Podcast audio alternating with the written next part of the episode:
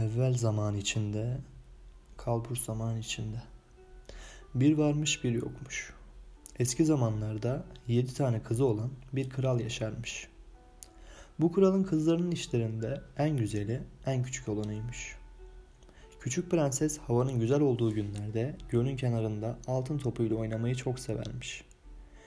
Yine günlerden bir gün altın topuyla göl kenarında oynarken birden top göle düşüvermiş.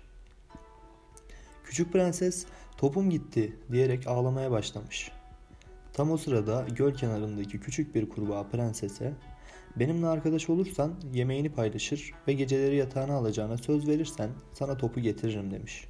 Küçük prenses tamam demiş fakat kurbağa topu prensese verir vermez prenses hızla oradan koşarak saraya dönmüş. Akşam olduğunda kral ve ailesi sofraya oturmuşlar. Tam o sırada kapıdan bir vıraklama sesi duyulmuş. Kral kim o diye sorunca küçük prenses babasına olanları anlatıp kurbağaya verdiği sözü söylemiş.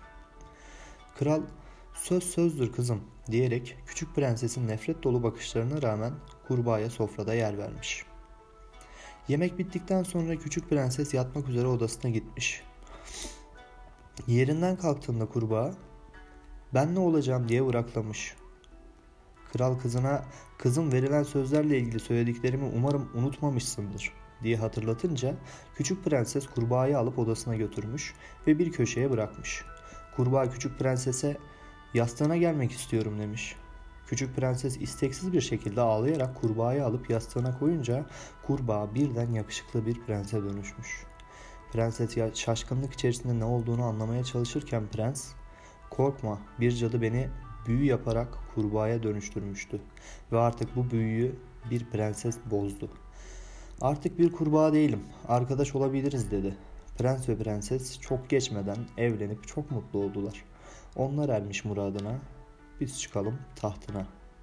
Onlar ermiş muradına, biz çıkalım tahtına.